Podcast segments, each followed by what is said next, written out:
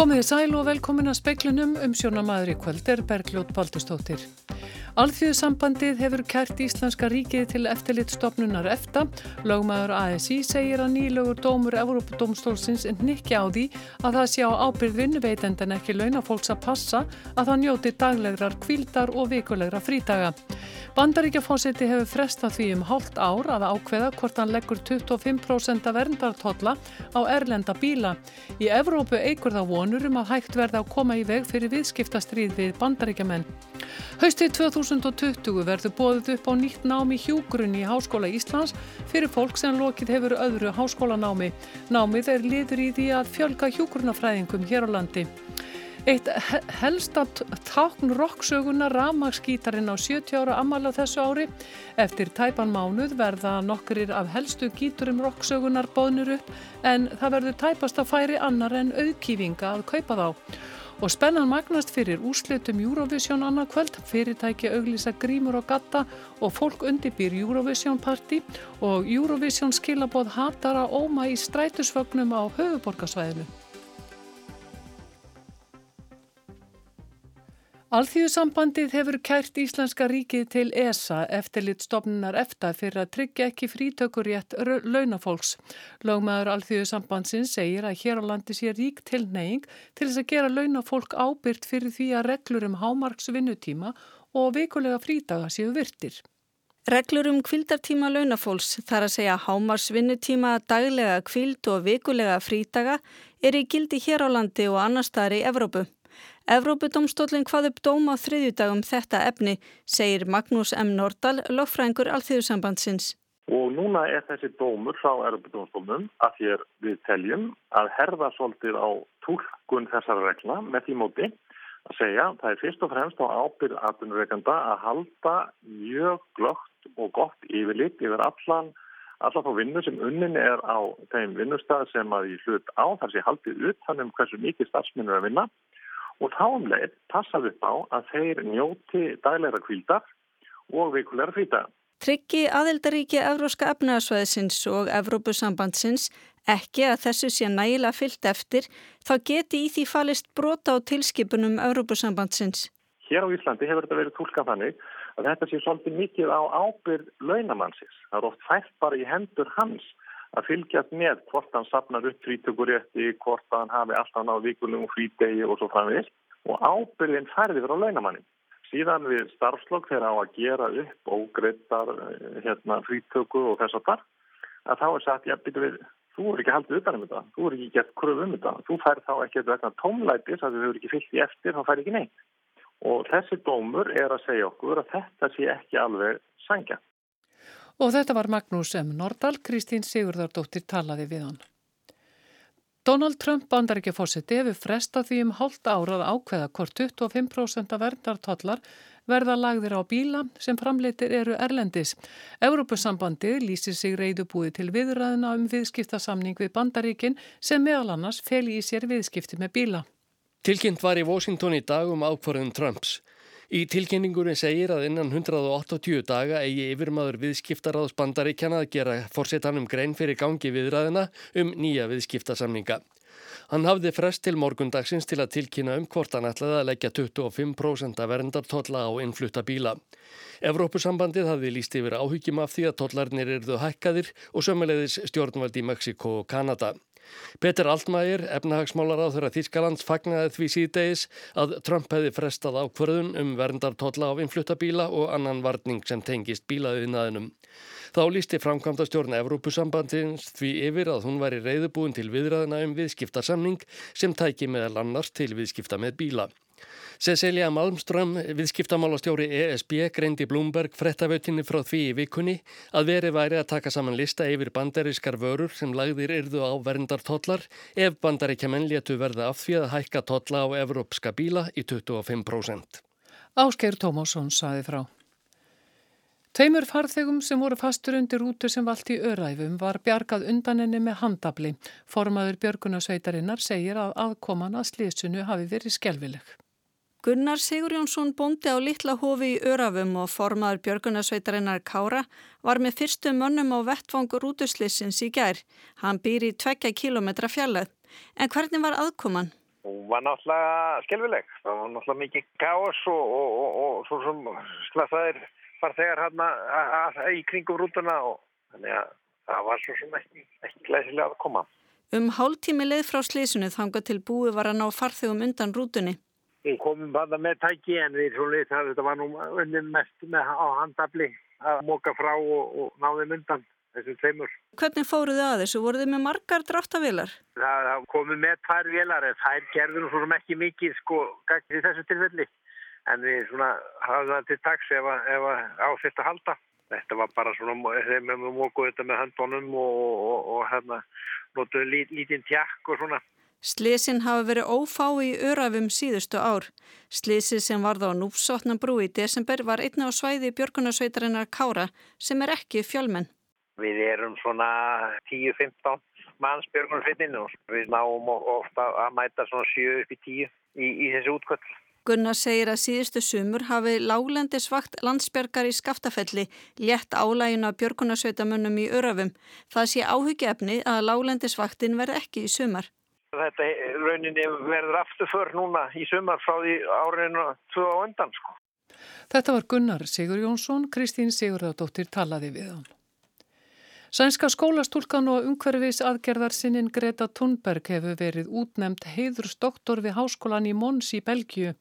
Titilinn fær hún fyrir baráttu sína fyrir hertum aðgerðum í lofslagsmálum, engum með því að hvetja nefnundur til að skrópa í skólanum og krefjast þess að stjórnveld taki sér taki í málafloknum.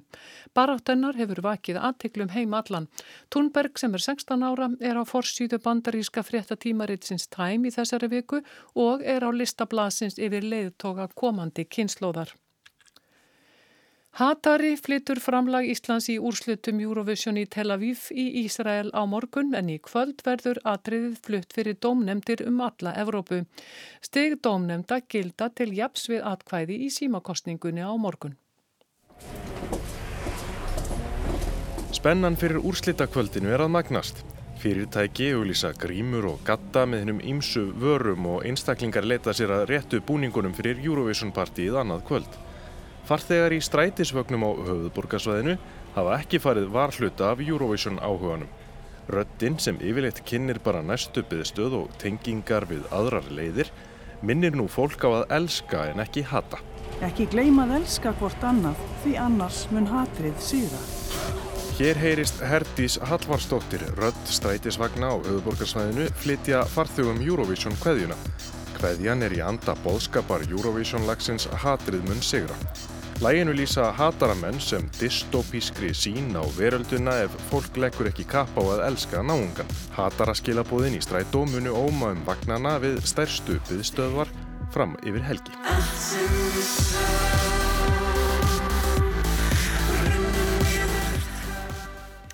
Birgir Þór Harðarsson sæði frá. Hátt í miljón aðdáðandur Game of Thrones hafa skrifað undir áskorun til sjómarstöðvarinnar HBO um að láta endur gera áttundu þáttaröð sjómarsþáttana vinsælu. Þeim hugnast ekki framvinda söguþráðarins í síðustu þáttaröðinni sem nú er í síningu. Áttunda þáttaröð Game of Thrones er nú í síningu. Hún er jafnframt svo síðasta og því er örlega söguhetjana beðið með mikilli eftirvætningu. Hér verður að sjálfsögð ekkert gefið upp um sögurþráðin í nýjustu þáttaröðinni en þó skal sagt að hann er ekki á þann veg sem öllum hugnast. Svo mikil er óanægjan að um 800.000 aðdáendur um allan heim hafa skráðu nafnsitt á undirskriftarlista á netinu þar sem HBO er hvað til að láta endur gera áttundu þáttaröðina. Fyrstu þáttaræðarnar voru byggðar á áður útkomnum bókum George R.R. Martins en nú hafa handlitshöfundar tekið sögurþráðin yfir. Í yfirlýsingunni segir meðal annars að þáttaröðin eigi skilið endalók sem síni sögunni allri sóma. Það er þeirra mat að áttunda þáttaröðin síni höfundinum Martin vannverðingu og rústi átta ára persónusköpun aðalsöguhetjana. Ekki er alveg víst að HBO sjómastöðin rjúki til og láti endur gera þættina þrátt fyrir áskorunina.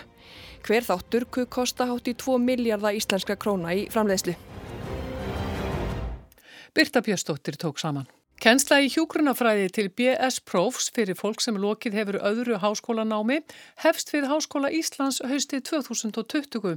Það er liður í tilraun til að fjölga hjúgrunafræðingum hér á landi.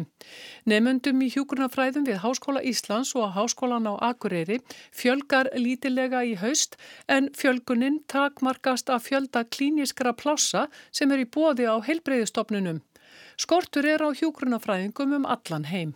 My name is Nigel Crisp, and it's my great pleasure to welcome you here in London, but also to everyone who's listening around the world, to the launch of Nursing Now. Þarna býður Nigel Crisp, barón og þingmaður í bresku lávarðadeildinni, alla velkomna á viðburðu sem alþjóða heilbreyðustofnunin stóð fyrir til að marka upphaf átaksins Nursing Now. Átaki snýstum að reyna að fjölga hjúgrunafræðingum í heiminum og styrkja stöðu þeirra. Þetta var í fyrra og átakið stendur fram á árið 2020 sem alþjóða heilbreyðistofnunin hefur ákveðið að sé ár hjúgrunafræðinga og ljósmæðra. Átján miljón heilbreyðistarsmenn vantar á heimsvísu samkvæmt tölum stopnunarinnar. Mestur er skorturinn í Suðaustur Asju og Afriku. Hjúgrunaskortur hér á landi hefur ekki farið fram hjá neinum. Ríkisendurskoðun gaf út skýrslu um mönnun og mentun hjúgrunafræðinga árið 2017. Samkvæmt henni vantaði þá 570 hjúgrunafræðinga til starfa í íslenska heilbreyðiskerfinu til viðbótar við þá 4000 sem eru starfandi og benti ríkisendurskoðun á að það væri mjög brínt að fjölga hjúgrunafræðingum hér á landi og hraða nýliðun þeirra. Núna er um 400 nefnendur innritaðir í hjókurnafræði við Háskóla Íslands og um 220 við Háskólan á Akureyri. Gert er ráð fyrir að 56 útskrifist frá Akureyri í vor og 60 frá Háskóla Íslands sem eru óvenjulega fáir. Herdís Sveinsdóttir deildarfossetti hjókurnafræði deildar HÍ segir að A-prófin, eintökuprófin sem tekin voru upp við skólan, hafi orðið til þess að draga úr aðsókninni. Hætt hefur verið við þau og teknar upp fjöldatakmarkanir eins og áður. Háskóli Íslands og Háskólin á Akureyri vinna sameigilega að því að fjölga hjúkurnafræði nefnum. Við höfum ákveðið það að það er samráð við þær stofnarnir sem okkar nefnundur sækja nám til og þá sérstaklega landsbytara að námið að taka inn 130 nefnundur núna í, eftir samkeppnispróf sem sagt í janúar og hérna eftir háskólan á Akureyri held ég að sé örgulega komið 60 nefndur, það var aðeins breyting hjá þeim. E, þetta er náttúrulega, ofubóðslega trönd, það er hérna e, að koma nefndunum fyrir, það verður bara sést eins og er, en það leggjast allir á eitt á spítalanum og allstaðar að taka á móti þessum fjölda nefnda. Er ekki verið að fjölga beinlínis plásunum? Um tíu. Við erum að fjölga um, um tíu og það er ykkur fjölgun á akkuröri líka en, í þessum grunnámi. Já. Þannig að það er, en, það er ekki, ekki meira sem sagt? Það er bara ekki hægt að koma fleiri nefndu fyrir. Það er ekki nokkur einasta leið. Spítalinn er alveg sprungin á nefndum og við erum mjög erfitt með, líka með að koma nefndu fyrir í helsugæsluna og við erum þó að leita samráðs út um allt land Einnig hefur verið ákveðið að koma á fót sérstöku hjúgrunarnámi fyrir þá sem lokið hafa öðru háskólanámi. Sko það var samtíkt í háskólaráði núna um, snemma vormissernu að við fengjum að bjóða upp á slíka leið.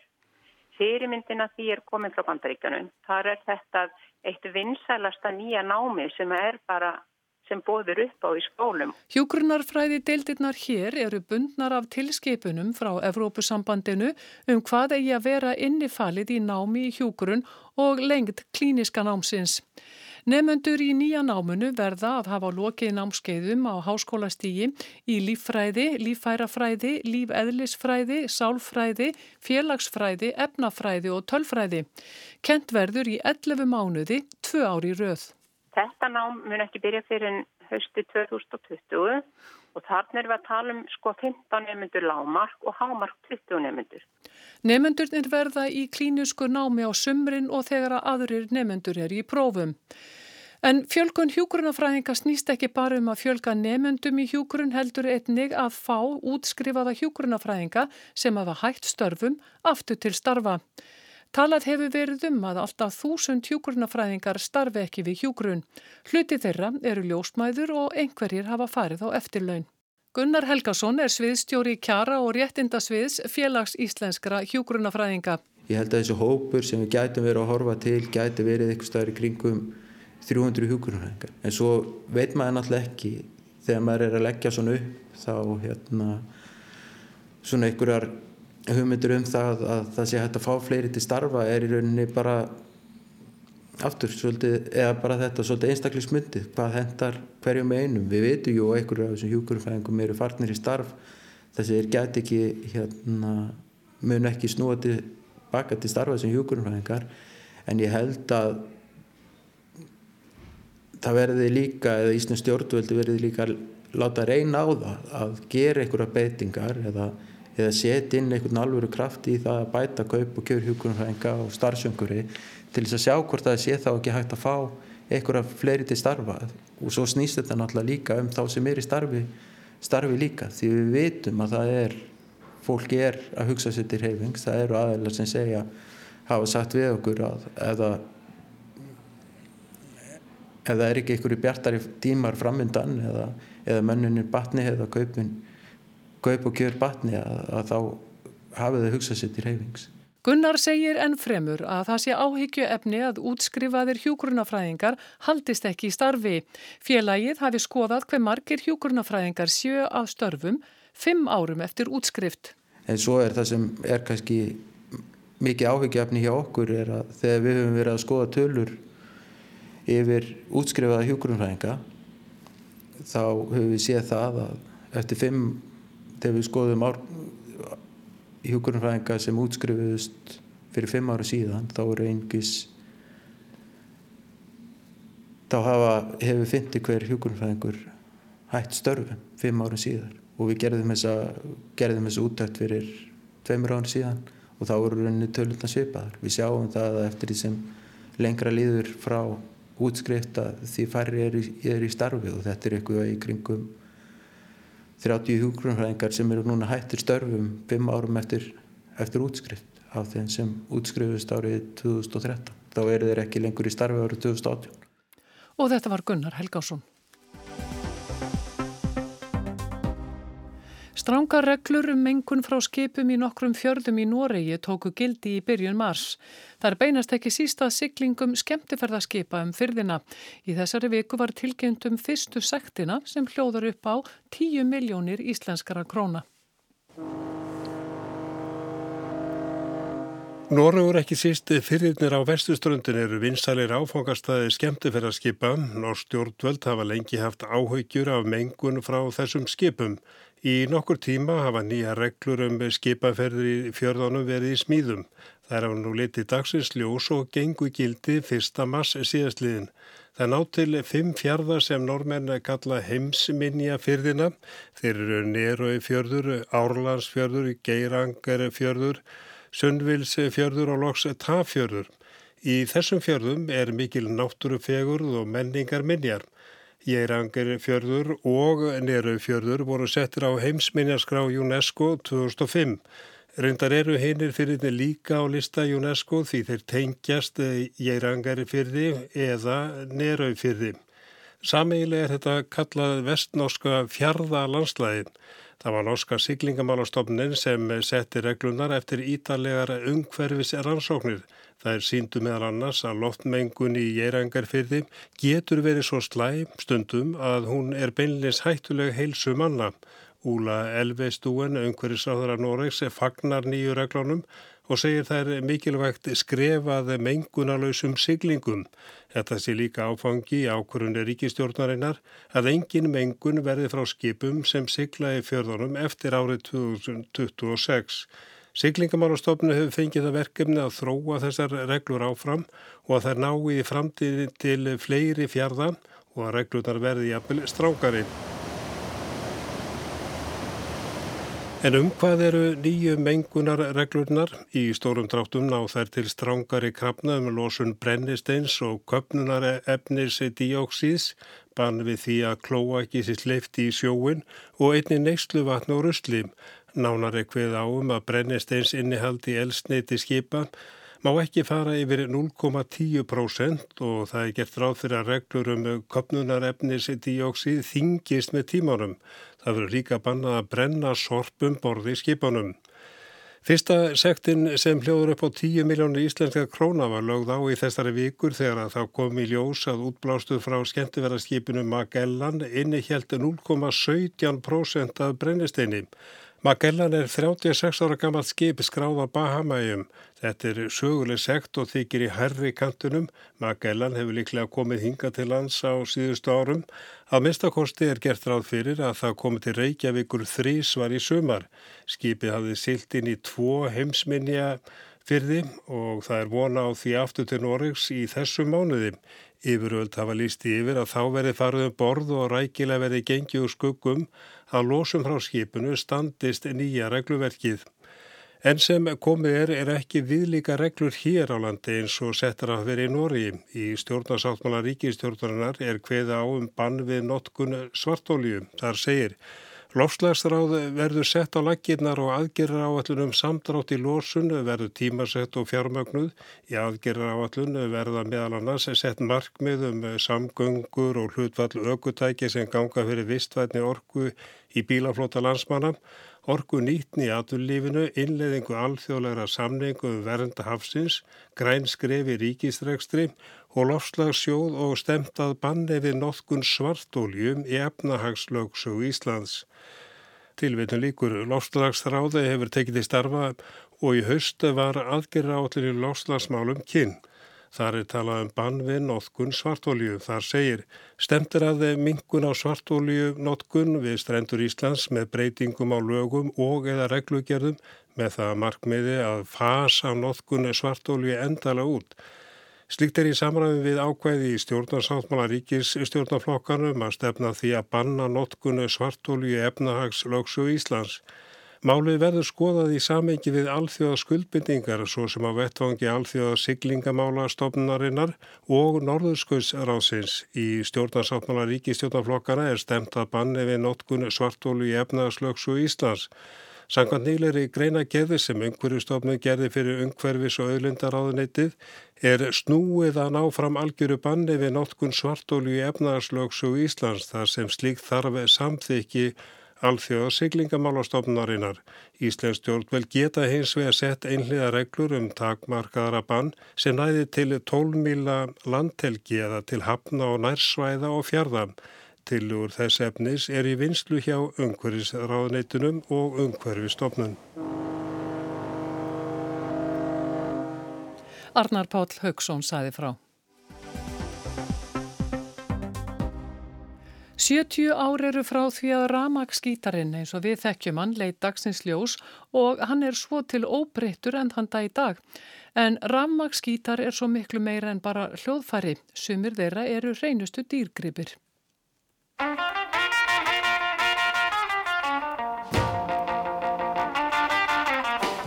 Einn helsta tákmyndur okksins er Ramaskítarinn, allt frá Buddy Holly og Chuck Berry og samtímamönnum þeirra til gítarhetja vorra daga. Lengi hefur ramaskítarinn ekki bara verið hljóðfæri, heldur einni nokkus konar reðurtákn í karlægum heimi roksins. Oft og tíðum hefur mátt sjá bísberta gítarleikara tegja sig og reyja á meðan þeir framkalla hvort heldur er ljúa tóna eða ískrandi skruðninga úr þessum magnaða fyrirbæri. 70 ár eru í ár frá því að ramaskítarinn, eins og við þekkjum hann, kom fyrst á markað. Rætur gítarsins má ekki alltaf 5.000 ára eftir í tíman en gítarinn sem við þekkjum kom frá Spáni fyrir um 1000 árum. Á fyrirluta síðustu aldar tóku menn upp á því að tengja þá við rafmagn með því að setja í þá hljóðdós eða pick-up en uppháðlega voru það hálfopnir gítarar eða hollow body eins og jazzspilarar gerðnar nota. En algengastir eru þeir í dag gegnheilir eða solid body. Það er að gítarleikarinn Les Paul hafi hanna fyrsta gegnheila ramaskítarinn árið 1942 en hann kom þó ekki að markað fyrir nára tug síðar.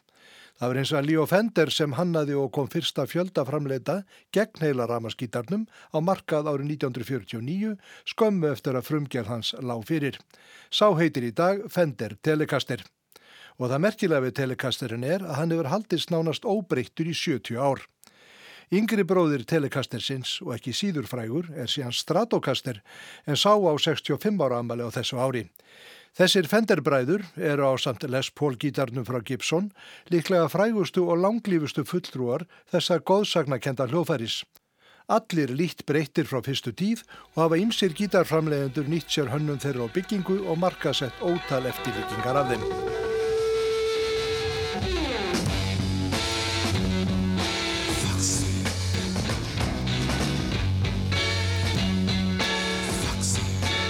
Það hefur verið sagt að gott hljóðfæri, þeirra meðal gítar, geti verið góð fjárfesting. Vilji menn verða sér út um góðan gítar með einstakar sögu, gefst þeim tækifæri til þess eftir mánuð. Einn helsta gítarhetja Roxins, David Gilmour, gítarleikari Pink Floyd, hefur ákveðið að selja gítarsafni sitt yfir 120 gítara. Uppbóðu verður í New York þann 20. júni á vegum uppbóðsfyrirtækisins Christie's. Many of the guitars in this sale are guitars that have given me a tune. So a lot of them have earned their keep, you might say. Gilmore segir marga gítarana sem bóðin hefur upp hafa fært sér lag og því með segja að þeir hafi unnið vel fyrir sér. Það er óvægt að taka undir það því meðal þeirra gítara sem þarna verða bóðinir upp er svartur Fender Stratocaster árgeð 1969 sem Gilmur notaði í flestum lögum hljómsveitarinnar á árun 1970 til 1985 en á þeim tíma gaf hljómsveitin út plötur eins og Dark Side of the Moon, Wish You Were Here og The Wall sem allar teljast með því besta sem að rocktónlistin hefur alið af sér. Gítarinn kefti Gilmore í henni góðsarnakendur hljófarverslun Mannís á 48. stræti í New York eftir að flugfélagið sem flutti hljómsveitana vestur um haf týndi stratokasternum sem foreldrar hans höfðu gefið honum í 21 árs ammæliskjöf. Reyndar mun vera búið að skipta sexinum um háls á greipnum. Þarna er einni rauður og hvítur stratokaster árger 85 sem var aðal gítar Gilmurs næstu 20 ára og eftir sem á 1954 mótilega hvítum og giltum stratokaster með framlistunúmerið 1 og afar sjálfgefur Gretz Penguin en innan við 50 slíkir voru framleitir. Og er það aðeins örfáur dýrgripi nefndir. Gilmore segist ekki vera hættur að spila en nú sé komið að því að skilja við þessa gömlu félaga. These guitars, they've given so much to me. It's time for them to move on to other people who hopefully will find joy and perhaps create something new.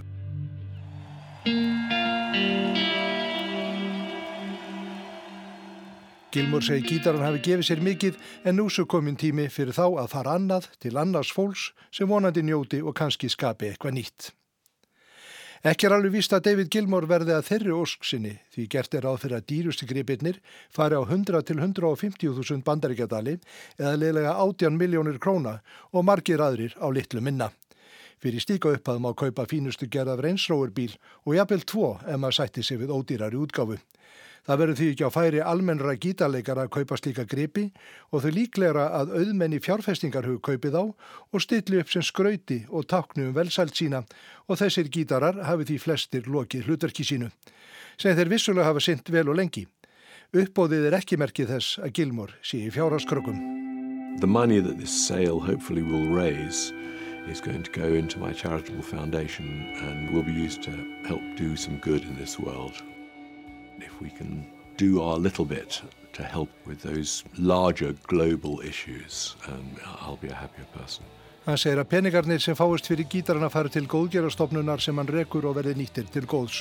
Verði hægt að leggja örlítil lóð á vóaskálarnar til að bæta mörg af þeim stóru vandamálum sem heimurinn er að kljást við, verði hann hamingisafari. Samtök Gilmurs hafa styrt margskonar málefni eins og krabbaminsaransóknir, aðstofið eldra fólki í þróunalöndum, barnaspítala, heimilislausa og fleira og fleira. Núna myndi pass ágætlega að spila læðið Money af plötunni Dark Side of the Moon en við skulum frekar ljúka þessu á einu þekktasta gítarsólaður oksins, setna sólóinni Comfortably Numb af plötunni The Wall og þarna er það vantala svarti stratokasterinn sem letur vel í sér heyra.